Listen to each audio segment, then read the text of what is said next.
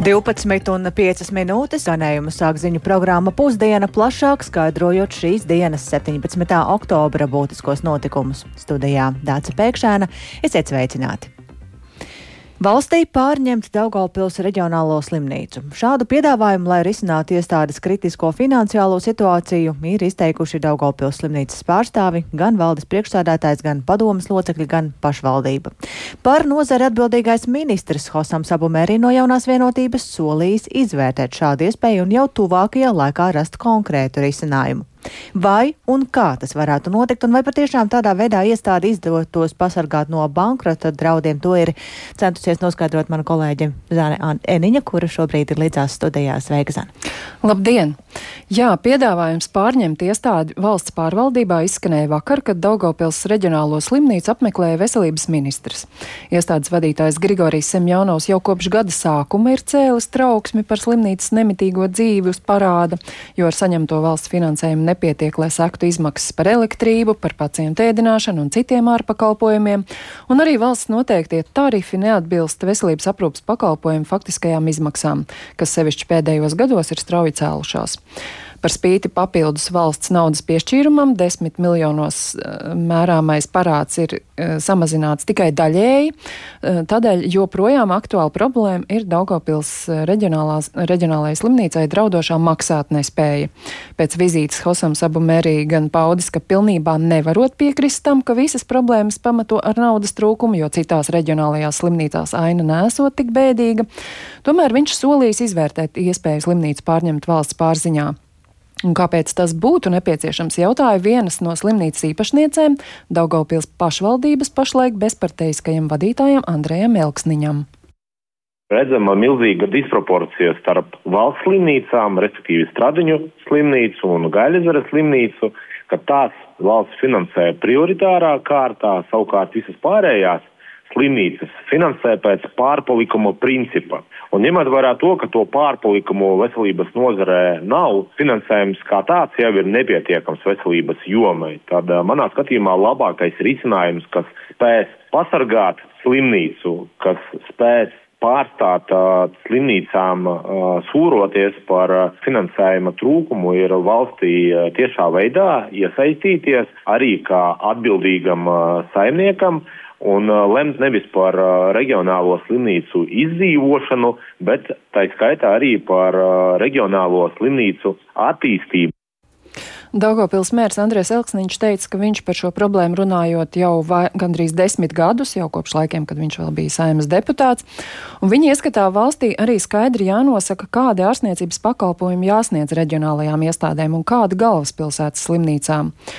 Kaut gan slimnīca ir uzņēmums, sabiedrība ar ierobežotu atbildību, un Daugaupils pašvaldība ir lielākā īpašniece, tai pieder gandrīz 90% daļu.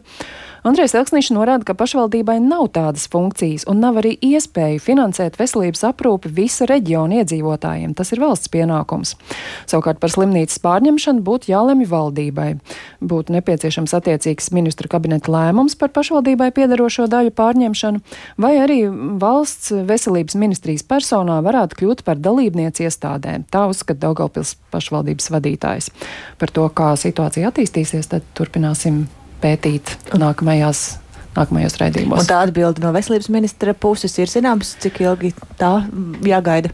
Nu, es ceru, ka es pēcpusdienā dabūšu kādu komentāru. Gaidīsim uh, komentāru no veselības ministra. Paldies par uh, situācijas ieskicējumu Zanai Eniņai. Tikmēr joprojām neskaidrs ir arī skolotāju algu jautājums. Skolotāju vidū radot arvien lielāku sašutumu, solītā algas pieauguma vietā dažiem ir pat samazinājums. Kāpēc tā? Par to interesējās kolēģi Agnija Lāsdiņa. Arī viņa šobrīd jau pievienojusies studijā. Sveika, Agnija, un eh, saki, kas tad īsti rada to neskaidrību? Labdien, jā, tātad, lai parādītu šo skolotāju sašutumu, vismaz daļu no tā, tad es aprunājos ar Ventspils pirmās pamatskolas vēstures un sociālo zinību skolotāju Initu Āboliņu, kas ar nožēlu stāstīja, ka par skolotāju strādā jau daudzus gadus, bet pirmo reizi jūtas tā, citējot viņu, kā ar dunci būtu mugurā iedurts, jo Ieraugot savu bankas kontā ienākušo algu, viņa pamanīja, ka alga ir nevis pieaugusi, kā sākotnēji tika skolotājiem solīts, bet gan samazinājusies par 110 eiro, un tā ir neto alga. Un, kā arī atzīst pati skolotāja, jebkurā citā darba vietā, ja tīpaši šajos apstākļos darbinieks tiktu brīdināts, piemēram, vai ir kritusies darba kvalitāte, vai ir kādas citas problēmas, un tad attiecīgi cilvēkam būtu laiks to izmainīt un, un rēķināties kaut vai ar šo algas samazinājumu. Taču skolotāji neviens par to nebija brīdinājis, par ko viņa atzīst, ka viņai ir patiesi liels šoks, jo tā ir bijusi liela neskaidrība. Un pavasarī viņai tika nosaukt iepriekšējā darba slodze, taču atnākot uz skolu 1. septembrī viņa esot uzzinājusi, ka tomēr viņai būs arī par četrām stundām mazāk, un paklausīsimies viņas stāstīto. Mana brutto samaksa bija kaut kur 1136, ja es nekļūdos, un šogad likme, tā kas mums parādās centrālā, ir 90 eiro vairāk aptuveni. Bet likme tā, par ko ir šī pasludinātā likmes alga, ir pacelta no 30 valstī uz 36. It kā maksājot, protams, to mēs redzam proporcionāli par visiem skolotāju daudziem, kas tagad ar skolu 23 prasībām ir augsts papildus darbiem. Tas ir proporcionāli palielinājies. Bet vienalga valstī nosauktā likmes alga tagad neatiec uz 30 apmaksātām darba stundām, bet uz 36. Skolotāji arī stāsta, ka skolas vadībai esot nācies izlīdzināt slodzes, jo prasība esot, ka pedagogs nedrīkstot strādāt vairāk par šo noteikto slodzi, un ja ir pāri slodzei, tad ir jāmaksā no piemaksa finansējuma, un kā atzīst skolotāja, pagaidām viņa šo piemaksu iegūst, taču nav skaidrs, cik ilgi viņa uz to var paļauties. Tāpat arī viņa norāda, ka skolas vadība esot informējusi Ventspils izglītības pārvaldi, kas attiecīgi iegūsi datus arī no pārējām novada skolām, jo, kā norāda Āboliņa, viņa noteikti nav vienīgā, kas tādā situācijā nonākusi. Tā ir arī citās skolās, citām skolotājām. Un es sazinājos arī ar Saldus izglītības pārvaldes vadītāju Salcerīti Levicu, kas skaidroja, ka skolotāji šobrīd jūtas izbrīnīti, jo pedagoģu atalgojums šajā mācību gadā nav būtiski samazinājies, bet arī nav pieaudzis. Tas esot apmēram tāds pats kā iepriekšējā gadā.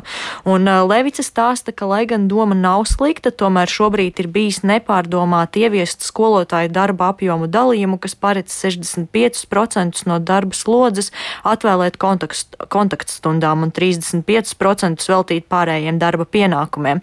Un pašlaik šādu kārtību nesot eh, iespējams ieviest, tādēļ direktori proti nesot iespējams ieviest skolotāju trūkuma dēļ. Tādēļ, tādēļ direktoriem ir vajadzējis vienoties ar skolotājiem par lielāku darba apjomu, lai varētu nodrošināt mācību procesu. Un uh, paklausīsimies tad, uh, ko stāsta Levica.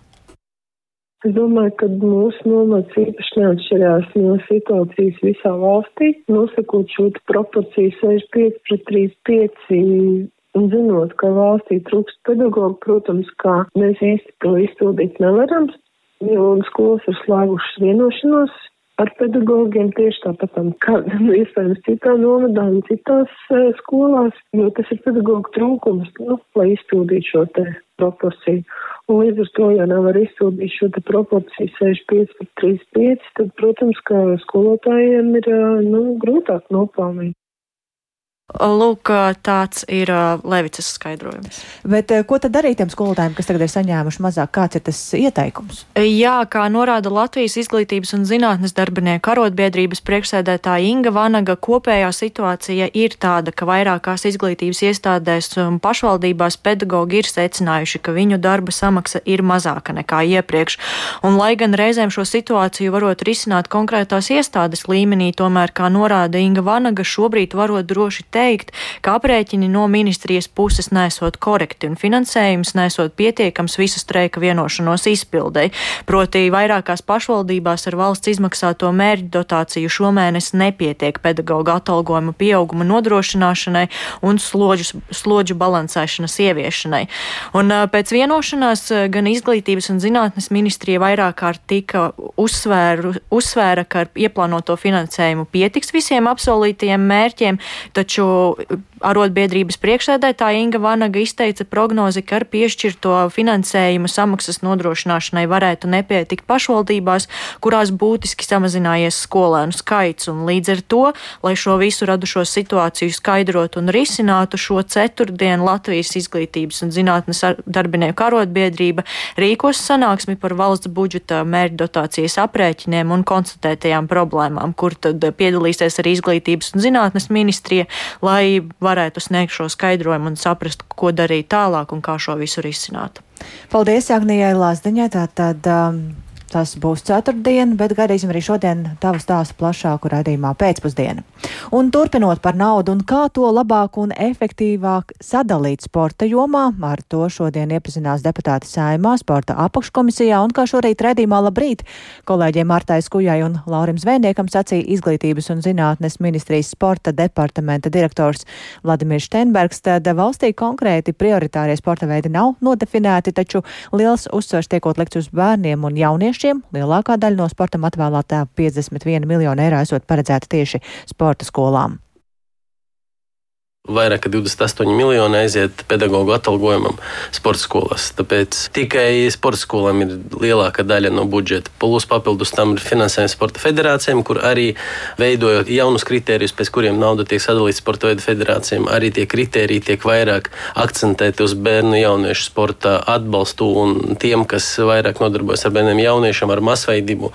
Attiecīgi arī nedaudz vairāk tas finansējums tiks piešķirts jaunajā gadā. Kas mums ir prioritārie sporta veidi? Valstī konkrēti sporta veidi nav nodefinēti. Iepriekšējā gadā pirmo reizi tika organizēts finansējuma sadalījums tā saucamajiem prioritāriem sporta veidiem. Man pašam personīgi tāds nosaukums nepatīk. Prioritārie sporta veidi ir kriteriji, pēc kuriem mēs pasakām, kuri šodien valstī ir populārāki vai ar lielākiem sasniegumiem un tā tālāk. Šogad, veidojot tos kriterijus finansējuma sadalījumam, arī tiek saglabāta tā vīzija, ka bez pamatbāzes finansējuma ir papildus finansējums sporta veidu attīstībai, kuri saskaņā ar tiem kritērijiem būs pirmais 15. Tad tie sporta veidi varēs saņemt arī papildus pamatfinansējumam, papildus finansējumu sporta veidu attīstībai. Nu, futbols ir prioritārais sporta veids. Futbols masveidīgākais sporta veids. Rezultātu ziņā, diemžēl, futbolam priekšā ir vairāk citi sporta veidi. Bet uh, no masveidības viedokļa futbols Latvijā ir masveidīgāks sporta veids. Un tad naudas iegūšanas ziņā? Masveidība ir tā, kas piešķir to lielu. Projicēsies tajos kritērijos, attiecīgi pa masveidību, pa bērnu jauniešu masveidību. Futbols varēs saņemt vairāk kā citas federācijas. Un uz tā rēķina, uz to kritēriju rēķina, ka futbols ir masveidīgākais sporta veids, viņš būs viens, pirmais vai otrs vai trešais sporta veids kopumā visos kritērijos, kur arī tiek ņemti vērā arī sasniegumi un arī masveidība un čempionāti un tā tālāk. Un uz tā rēķina rēķina futbols tajā skaitā varēs saņemt papildus finansējumu sporta veidā attīstībai. Tālūk izglītības un zinātnes ministrijas sporta departamenta direktors Vladimirs Steinbergs un plašāk šo tematu iztirzāsim arī raidījumā pēcpusdienu. Savukārt Beļģijas policija šorīt nošāva vīrieti, kuru turēja aizdomās par vakar vakarā pastrādāto divu cilvēku slepkavību, ko izmeklētāji ir klasificējuši kā terora aktu. Pagaidām nav zināms iespējamā uzbrucēja motīvs un tas, vai viņš rīkojās vīnatnē, taču vīrietis jau agrāk bija nonācis likumsargu redzeslokā. Un eh, tāpēc šobrīd studijā man pievienojas kolēģis Uldis Čēsbergs, kurš ir sakojis līdzi trauksmēniem notikumiem Briselē. Sveiks, Uldi, un saki vispirms par pašu uzbrukumu un to, kā tad izdevās izdevās notvērt iespējamo uzbrucēju? Jā, labdien!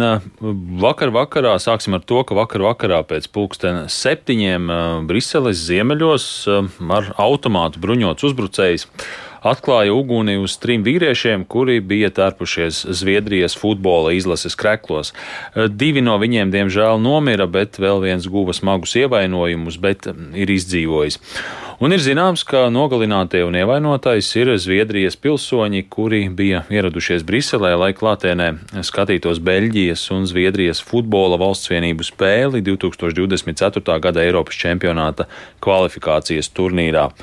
Un e, neilgi pēc uzbrukuma vīrietis sociālajos e, šis te aizdomās turamais vīrietis sociālajos tīklos publicēja video, kurā viņš arābu valodā nu, dižojās, ka ir nogalinājis trīs cilvēkus un ir to darījis, eh, kā viņš sacīja, dieva vārdā. Un viņš arī neslēpa, ka ir iedvesmojies no teroristiskā grupējuma Islāma valsts. Un pēc uzbrukuma policija uzsāka plašu, iespējamā uzbrucēja meklēšanas operāciju, bet prokuratūra ierosināja izmeklēšanu saistībā ar terorismu. Varas iestādes Briseles reģionā izsludināja ceturto visaugstāko terorisma draudu līmeni un aicināja iedzīvotājus palikt mājās līdz brīdim, kamēr nebūs novērsti turpmāku uzbrukumu draudi. Un pilsētas ielās visu naktī patrulēja ar automātiem bruņoti policisti.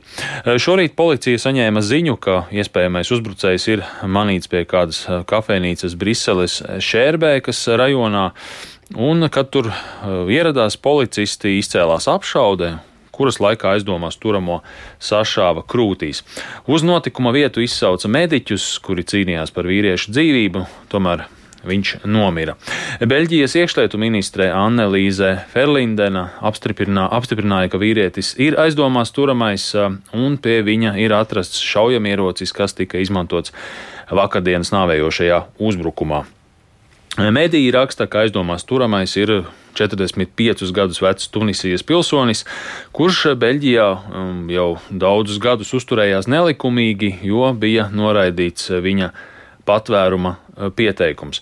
Eh, iepriekš viņš Tunisijā ir ticis tiesāts par terorismu.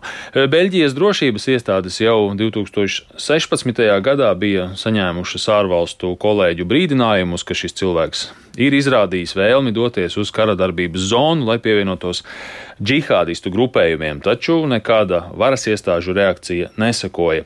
Un viņš netika iekļauts arī terorismā aizdomās turamo personu sarakstā, jo nekas nav liecinājis par vīrieša radikalizēšanos. To skaidroja Beļģijas tieslietu ministrs Vincents Van Kvikenborns. Ja mēs runājam par šo uzbrukumu, kāda ir bijusi amatpersona reakcija? Jā, Beļģijas premjerministrs Aleksandrs Dekro šo te vakardienas uzbrukumu nodēvēja par gļēvu rīcību un arī uzsvēra, ka teroristiem neizdosies iebiedēt Eiropas demokrātiskās sabiedrības, un varam arī paklausīties plašāk. Last night terrible attacks they affected all of us. Pagājušās nakts briesmīgie uzbrukumi skāra mūs visus. Terorisms ir vērsts pret cilvēkiem visur. Teroristi cenšas iedvest bailes, neusticību un šķelšanos mūsu brīvajās sabiedrībās. Teroristiem ir jāsaprot, ka viņu nodoms nekad neizdosies. Viņi nekad nespēs pakļaut mūsu brīvās sabiedrības ar savu naidu un vardarbību. Viņi tikai parāda savu bezspēcību. Terorisms mūs nekad neuzvarēs. Terrorism will never defeat us. Jā, un savukārt Beļģijas musulmaņu padome jau vakar vakarā nosodīja uzbrukumu un arī izteica līdzjūtību nogalināto ģimenēm. Un padome arī uzsvēra, ka tā dubultos savus centienus apkarot ekstrēmismu vietējo musulmaņu vidū. Un, kā zināms, tad Briselē atrodas gan Eiropas Savienības institūcijas, un arī NATO um, galvenā mītne, tāpēc arī Eiropas komisijas prezidente Urzula Fonderleina un NATO ģenerālsekretārs uh, Jens Stoltenbergs ir nosodījuši uzbrukumu uzbrukumu un arī ir izteikuši līdzjūtību nogalināto tuviniekiem. Jā, nu tik tālu par notikumiem Briselē. Paldies Uldim Česberim par šo skaidrojumu, bet eh, mēs raidījuma pusdienu turpinājumā atgriežamies pašmājās. Sājumā turpina skatīt iedzīvotāju iniciatīvu, kas aicina piespriest reālu cietumsodu par dzīvnieku spīdzināšanu un nogalināšanu. Krimināltiesību un sodu politikas apakškomisijā šodien sāc, secināts, ka problēmas ir ar likuma piemērošanu, jo tas jau šobrīd par vardarbību pret dzīvniekiem ļauj noteikt sodu ar brīvības atņemšanu ieviešanu. Tāpēc apspriests priekšlikums šajā jomā mazināt mazāk bargo sodu alternatīvu skaitu, un šai diskusijai līdzi seko kolēģis Intijā Ambote. Viņa šobrīd mums pievienojusies tiešraidē. Sveika, Intī, un saki, kāda tad šobrīd ir atbildība par vardarbību pret dzīvniekiem un kādus risinājumus apsprieda saimā? Sveika, Dārts! Sveicināti radio klausītāji! Kā tu minēji, likums paredz brīvības atņemšanu par šādu pārkāpumu, bet tas tiešām tiek piemērots reti, jo ir vairāki alternatīvi sodi, kas nav samērīgi ar tādu cietsirdīgu nodarījumu pret dzīvnieku, kā tiešām uh, sišana vai uh, vienkārši cietsirdīgā attieksme un arī nogalināšana un saimnes juridiskās komisijas uh, krimināla tiesību un sodu politikas apakškomisijas vadītājs Andrejs Judins no jaunās vienotības secina, ka atbildība par vardarbību pret dzīvniekiem ir jānostiprina un šodienas sēdē tad lemš šo jautājumu virzīt tālāk, tiesa nosakot, ka iedzīvotāja iniciatīva papildina ar jauniem priekšlikumiem un varam paklausīties Judina komentāru par esošo soda apmēru un iespējamo risinājumu. Problēma šeit nav ar likumu, jo arī tagad brīvības atņemšana uz laiku līdz pieciem gadiem ir paredzēta. Problēma, ka praksē bieži piemēro ļoti vieglu sodu. Un, ja mēs redzam, ka likumu nepiemēro tā, kā vajadzētu piemērot, tad nu, vienkārši norādīt, ka likuma ir pieci gadi paredzēti jau tagad, ar to vien nepietiek. Un uh, mēs gribam izvērst risinājumu. Runa varbūt par uh, alternatīvu sodu skaitu samazināšanu. Proti, probācijas uzraudzība var palikt, bet, uh, piemēram, sabiedrīskais darbs, nu, tā piemērošana ir apšaubā. Lai šādus nodarījumus neuzskatītu par maz nozīmīgus, tie ir nopietni Tāpat uh, Saimas apakškomisijā rosināts arī vērtēt uh, grozījumus krimināla procesa likumā, lai vairāk sodu lēmumos iesaistītu arī dzīvnieku tiesību ekspertus. Un uh, iniciatīvas autori dzīvnieku aizsardzības biedrības ķepu ķepā pārstāv Gundaga Bidere iezīmē, ka vairākos pēdējā laikā ar vardarbību pret dzīvniekiem saistītos spriedumos piespiestais sots vainīgajiem nav bijis samērīgs, kas veicina tādu nesodāmības sajūtu šīm varmākām. Proti, valstī salīdzinoši reti vispār tiek ierosināts krimināla process par uh, nežēlību pret dzīvniekiem. Tie parasti ir administratīvi sodi. Arī biedrībai šobrīd ir vairākas tiesvedības par saimnieku cietsirdību pret dzīvniekiem, tostarp par uh, kāda suņa saduršanu un palīdzības nesniegšanu ilgstoši par vēl trīs citu suņu nobadināšanu, kā arī par veselības novaināšanu kādam no biedrības adoptētiem zirgiem, no biedrības adoptētiem zirgiem, kuru rezultātā nācies eitanazēt.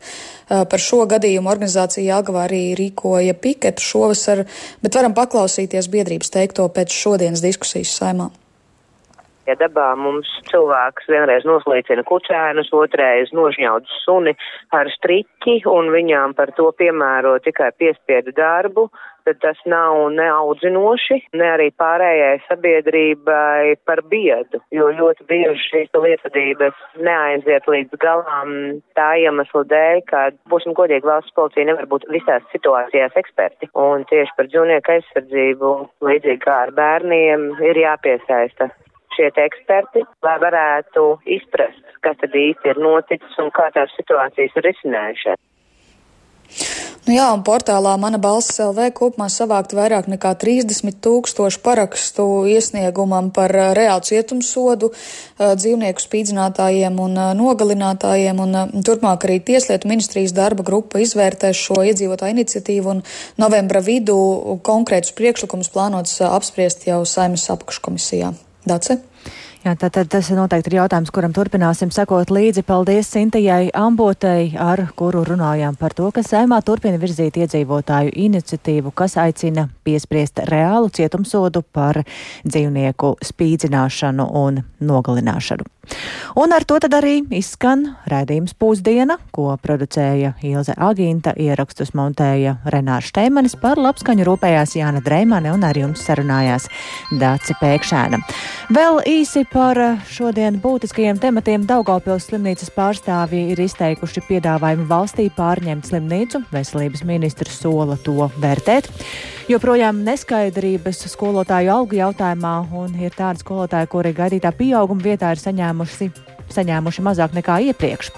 Beļģijas policija nošāvusi vīrieti, kuru turēja aizdomās par divu cilvēku slepkavību, ko izmeklētāji ir klasificējuši kā teroraktu, un saimā turpina skatīt iedzīvotāju iniciatīvu, kas aicina piespriest reālu cietumsodu par dzīvnieku spīdzināšanu un nogalināšanu. Redījums pusdiena ir klausāms arī sevērtā laikā Latvijas radio mobilajā lietotnē. Ir jāmeklē dienas ziņas, lai to varētu noklausīties, un tāpat arī Latvijas radio ziņām var sekot līdzi sabiedrisko mediju ziņu portālā LSMLV un sociālajos tīklos.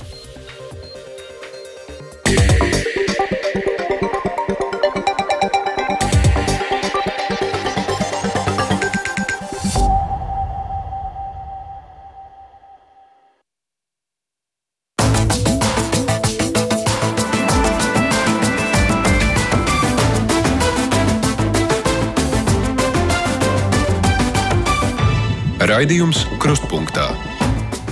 Labdien, studijā Mārija Ansone. Draudu vēstules, ko pagājušo nedēļu un naktī uz pirmdienu saņēma simtiem izglītības iestāžu, darbu tajās paralizēja tikai uz brīdi. Policija draudu līmeni vērtēja kā zemu.